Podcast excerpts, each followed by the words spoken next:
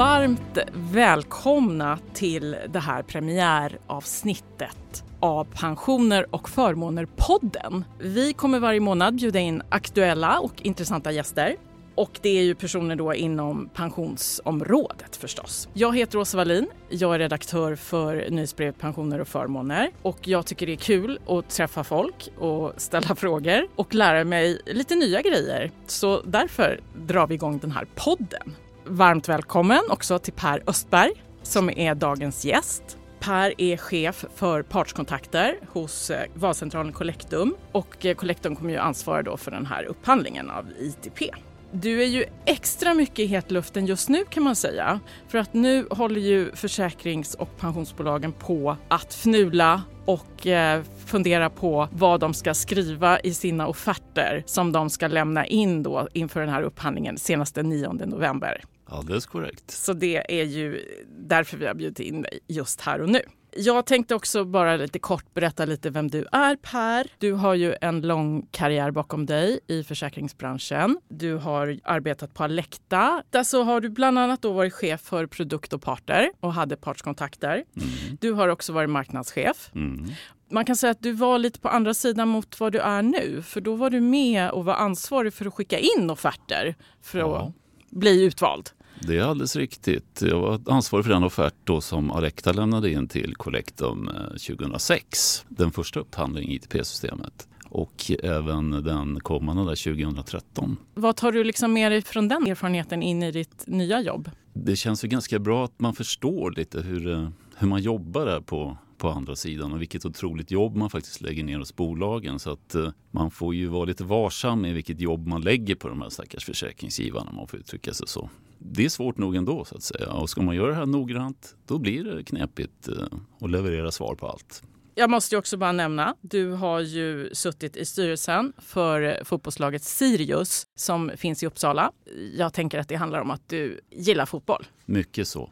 Ja, härligt. Collectum har ju då fått i uppdrag från Svenskt Näringsliv och PTK att upphandla förvaltare av tjänstepensionen ITP för perioden 1 oktober 2023 till 30 september 2028. Det ska vara 3 till 5 försäkringsgivare inom traditionell pensionsförsäkring och 3 till 5 inom fondförsäkring. Så här långt, hur skulle du säga att intresset för att vara med har varit? Det har varit stort och det förstod vi redan innan den här eh, förfrågan gick ut. Det är ju nio på traditionella sidan och 12 tror jag var på fondförsäkringssidan som har visat intresse och har fått offertunderlag. Och vi berättar inte vilka det är men däremot så förbehåller vi oss rätten att berätta vilka som lämnar offert då så småningom. Så det kan jag berätta för dig då, den 9 november. Då har vi något att se fram emot ja. här. Det är inte så lång tid kvar helt enkelt ni har ju också, som du nämnde här, Collectum har ju genomfört de här eh, upphandlingarna tidigare, bland annat eh, nu senast 2018. Vad skulle du säga, vad är skillnaden i det här offertunderlaget som skickades ut i år jämfört med det 2018? Ja, vi har väl försökt dra lite lärdomar från eh, tidigare upphandlingar naturligtvis vi blir lite bättre hela tiden och lite mer så här fingranulära i vissa delar kan man nog säga. Sen försöker vi ju hörsamma de här försäkringsgivarnas synpunkter på avtal och konstigheter i dem då, som de ska teckna på då så småningom. Ja, så vi försöker göra det enklare i den mån det är möjligt. Men framförallt att göra en mer noggrann utsortering av rätt saker att, till våra väljare då så småningom. Kan du säga lite så här, vad är syftet med den här upphandlingen och lite om tidsplanen också? Ja, syftet är ju eh, att kollektivavtalsparterna ska få ett riktigt bra eh, kvalitetsgranskat eh, urval för arbetsgivarna att kunna erbjuda sina anställda. De som ska välja försäkringsprodukter ska ju vara trygga med att de får riktigt bra saker som vi har vridit och vänt på. Och det är väl skillnad mot sina anslutningsförfaranden där man liksom inte gör det här på samma noggranna sätt kan man väl säga. För det har ju ibland också varit de här eh, diskussionerna då. Ska, ska det vara ett anslutningsförfarande istället för en upphandling? Vad ser du för fördelar med att det är upphandlingsförfarande? Ja, men det är väl just den här riktiga genomgången och genomlysningen på djupet både av försäkringsgivarna som vill vara med och av de försäkringsprodukter då som man faktiskt vill eh, erbjuda från de här försäkringsgivarna. Kan du säga någonting om vilka kriterier ni kommer att titta på? Alltså det är väl som vanligt. Många tror att det är bara avgifter som gäller men det är det ju faktiskt inte alls utan avgifterna ligger på en väldigt låg nivå. Vi tittar ju både på försäkringsgivarnas eh, ja, historiska förmåga att faktiskt generera avkastning och göra bra saker med de tillgångar de de sitter och förvaltar. Bottom line är ju, vad får egentligen pensionären så småningom ur det här valet man har gjort? Så det är klart att vi tittar på utbetalningsfasen och vi tittar även på intjänandefasen och även på den fas då som man ska ha lite mer stabilt, ja, stabilt läge för sitt intjänande pensionskapital om man får uttrycka sig så. Finns det några skallkrav i den här utredningen? Ja, det är väl att man måste ha kollektivavtal då försäkringsgivaren. Det är ett skallkrav. Sen får man inte ha Finansinspektionen flåsande i, i nacken i något specifikt fall. Sen ska man då ha Finansinspektionens godkännande att köra den verksamhet som man nu har ett erbjudande inom. Så det är väl inte konstigare än så egentligen. Sen är det väl så med traditionell försäkring att eh, den produkt man erbjuder måste ha en garanti som innebär att minst 85 procent av den premie som man, som man stoppar in i en försäkringsprodukt måste ge en garanterad förmån. Det har ju också varit mycket diskussioner kring hållbarhet. Är det med som ett kriterium? Ja, det är ju inget kriterium i värderingen av de här erbjudna försäkringsprodukterna utan ska man då anlägga hållbarhetsaspekter så har ju kollektivavtalsparterna velat att det ska vara väljarens eh, huvudverk så att säga. Så vi är väl noga med att man som försäkringsgivare ska vara tydlig med vad man erbjuder ur ett hållbarhetsperspektiv. Det är inte så att parterna tar eller vill ta ett ansvar för, för den typen av frågor. Så det är liksom ingen utvärderingsparameter att man erbjuder en produkt som har någon viss eh, CO2-avtryck eller så. Nej. Sen kommer vi här till 10 000 kronors frågan. Kan du säga lite om hur ni viktar de här olika kraven? Eh, nej, det kan jag inte göra. Inte så förvånande. Nej, nej. Nej, utan vi försöker hitta liksom bra produkter för det bestånd som faktiskt ITP-systemet består av. De här tjänstemän med olika typer av lönekarriärer och eh, intjänande mm. tider etc.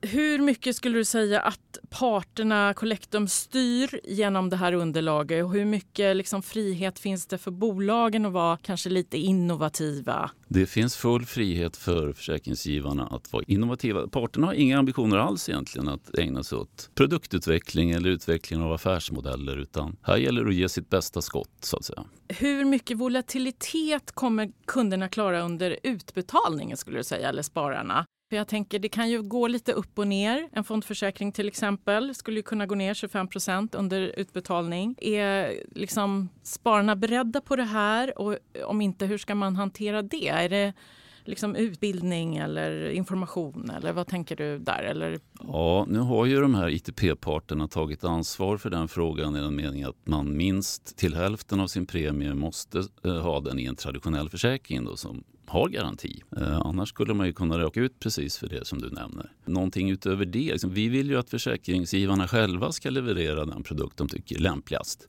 för de kunder som de kommer att ha. Så utöver det så finns det ju inte någon, någon fallskärm eller eh, kudde att landa på utan man får ju liksom ansvara för sina egna, egna val i de delar man kan göra sina val. Avtalet eh, säger ju då att i deras miljö så ska man inom ett par år göra val och information om både ITP, avtalspensionsaf och LO. Betyder det att Fora och Collectum snart upphör som varumärken och blir rena underleverantörer till avtalet? Eller, eller kommer de här tre bolagen slås samman? Det där var ju inte någon upphandlingsfråga då egentligen men jag kan säga att avtalet är ju bara ett varumärke. Och det finns ju då kollektivavtalsinformation Sverige, det finns Fora och det finns Collectum och några andra bolag i den där sfären som alla kommer att verka, tänker jag, under varumärket avtalat. Och det där är ju en resa som vi nu successivt eh, kommer att ge oss in på. Jag tror att det kommer att ta en liten stund men, men jag tror inte bolagen kommer att upphöra, nej det blir enskilda fabriker så att säga i systemet som kommer att leverera saker under ett gemensamt paraply som då ska heta avtalet. Men kommer de här olika varumärken finnas kvar ser du framöver eller hur? Jag kan väl säga så här att eh, jag jobbar på Collectum och jag är ansvarig för ett nämndkansli där för ITP-systemet och eh, det har ju inte egentligen de här andra bolagen med att göra utan Collectum kommer att leva kvar. Sen om, om det varumärket kommer synas så mycket, det är väl en annan fråga. Men Collectum kommer absolut finnas kvar som varumärke, ja. Ja, men det låter väldigt tryggt. Har ni blivit uppvaktade av bolagen med lite förslag på hur de här upphandlingskriterierna skulle kunna förändras? Och vad har man föreslagit i så fall? Det är ju så att vi kan väl till och med säga att vi har bett om synpunkter på, på den upphandling nu som ska komma. Vi har fått en del synpunkter. Det har handlat mycket om hållbarhet från de här försäkringsgivarna som alla har väldigt höga ambitioner på det området. Att man på något sätt skulle kunna använda det som ett kriterium. Men där har ju parterna gjort klart igen då hur de ser på den där frågan. Att det är liksom väljaren. De får erbjuda vilka produkter de vill, hur hållbara som helst och om väljarna vill ha dem så kommer de välja dem. Så det är väl mest det det handlat om, annars är det väl mest småsaker och detaljer i hur de här avtalen ska utformas. Vill jag säga. Inga sådana där riktiga kioskvältare så att säga. Nej. När ni ska utvärdera de här eh, offerterna som kommer in nu så tar ni ju också in aktuell kompetens. Vill du säga vilka som hjälper er med detta den här gången? Nej, det vill jag inte göra. Utan vi har väldigt bra eh, aktuarier till vår hjälp kan jag säga.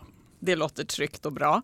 Kan du säga någonting om det här eh, arbetet framöver? Vad, vad gör det liksom lite extra spännande och roligt skulle du säga? Vi vet ju aldrig vad vi får in här i lasten så att vi försöker ju preppa alla våra utvärderingsverktyg för att ta hand om allt som kan komma. Sen har vi ju gett lite morötter i den här upphandlingen att man ska kunna även förbättra sina äldre bestånd i tidigare upphandlingsomgångar. Det är vi lite spända på hur, hur man väljer att attackera den, den frågan för att komma lite bättre ut då i här för lite trånga dörren. det säga. är ju intressant, för det, ja. de, man vill ju inte att de glöms bort helt enkelt. Nej, det ligger väldigt mycket kapital i de här eh, tidigare gjorda valen och det är inte alla som har eh, de allra färskaste avgifterna till exempel eh, på de utbuden. Mm. Nej, nej, men det förstår jag att ni, att ni funderar på lite här då, vad händer med, med sparare som eh, vars bolag inte kommer väljas ut framöver här nu då? Kommer man kunna ligga kvar i det här bortvalda bolaget eller åker man in i något förval eller vad händer? Alltså man får ju tillfälle att göra ett så kallat bekräftelseval då hos det här bolaget man har valt tidigare. Så att det inte någon som åker ut sådär tvångsmässigt skulle jag säga. Men om man nu skulle låta bli att göra ett bekräftelseval så hamnar man ju i icke-valsalternativet. Och det är vi ju särskilt noga med att det inte blir någon, någon lösning som är en nackdel för spararen eller väljaren. Ja, då ska vi se här. Nu är det jag som är lite förvirrad. Men eh. medan du är det kan jag väl slå hål på en liten myt då. Ja men gör det, gör det. Eh, det vill vi. Det, det florerar tydligen ett rykte att om man blir utvald på traditionell försäkring så kan man inte bli det på fond. Men, aha, aha. men det, är ju, det är ju helt fel.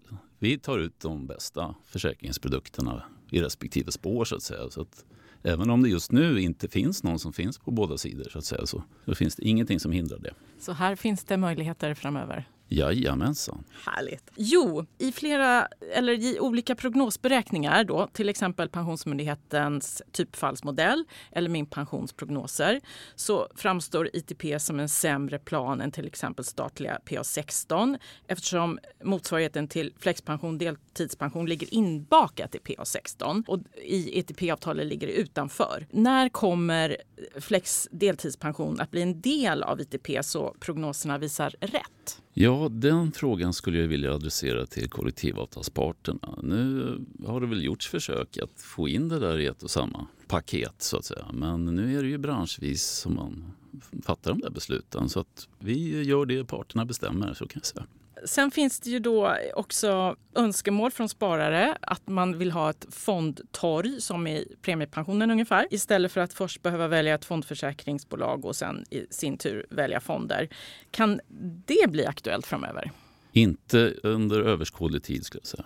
Kan du säga någonting mer om vad händer nu närmast för dig och din agenda och lite när, när blir det liksom, vad sa du, 9 november kommer du berätta vilka bolag som har lämnat in offert. Kan du dra oss igenom den här tidsplanen? Ja, man kan väl säga så här nu. Det som händer härnäst är att vi har en sån här fråga-svar-omgång. Vi har haft en sån. Vi kommer att få nya spännande frågor nu den 25 oktober som vi ska besvara den 28 oktober. Kan Sen, du säga några frågor ni har fått? Ja, det är detaljfrågor mest kring hur man ska fylla i de här svarsunderlagen och lite ja, kompletterande frågor på det. Man kanske, vi har varit lite oklara på några punkter kanske. Inga stora saker. Sen avvaktar vi då offerterna och det blir det som blir spännande. Och eh, vi håller nu på att fila på eh, verktyg och modeller som sagt så att vi ska kunna ta hand om allting. Sen eh, vidtar vi då en verifiering av alla uppgifter vi har fått in. Det är ju, jag tror att en försäkringsgivare som har offererat både traditionell fondförsäkring har ju fått eh,